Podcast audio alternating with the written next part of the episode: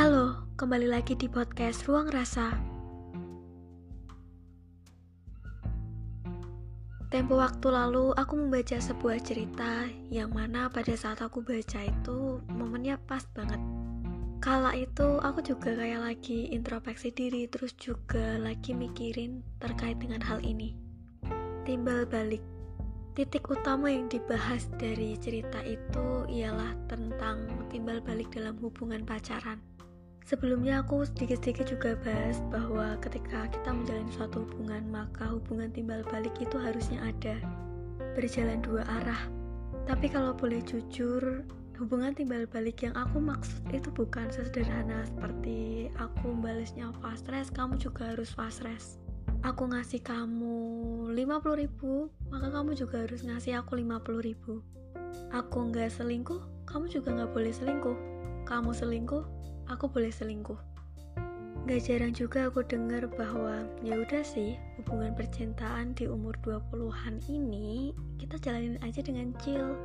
Ya, win-to-win aja. Kamu gini, aku gini. Aku gini, kamu juga bakal gitu. Toh, nanti juga jodoh datang sendirinya. Perihal jodoh akan datang sendirinya itu mungkin ada kemungkinannya. Tapi hubungan yang seperti ini bukan hubungan yang seharusnya dibangun dengan main-main.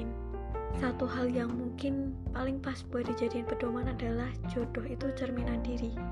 Mungkin di luar sana aku terlihat seperti orang-orang yang menjalani hubungan dengan santai tapi juga streets.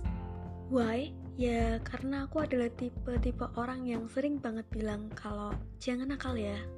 Atau nunjukin sikap-sikap yang bisa kalau misalnya orang lain lihat tuh wah cemburuan banget. Bukan sebenarnya gak cemburu, Cemburu kan udah hal yang pasti kalau misalnya kita memang benar-benar sayang.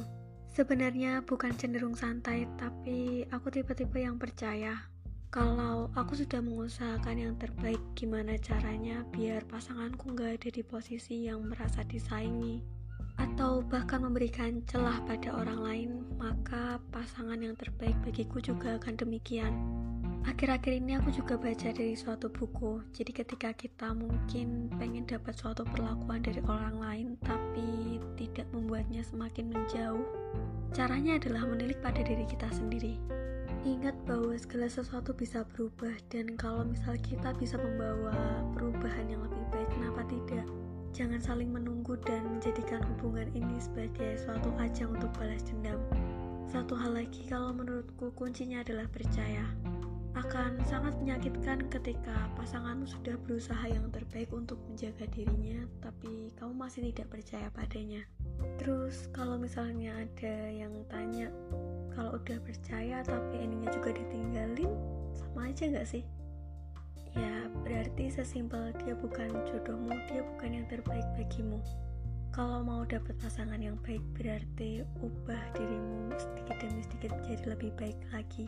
Kalau tidak ingin terjebak dalam hubungan yang main-main, maka hargailah setiap yang ada, waktu dan kesempatan yang ada. Well, kembali lagi, aku nggak mau ini searah. Jadi buat teman-teman yang mungkin ada pendapat lain, bisa banget DM aku ya. See you next time.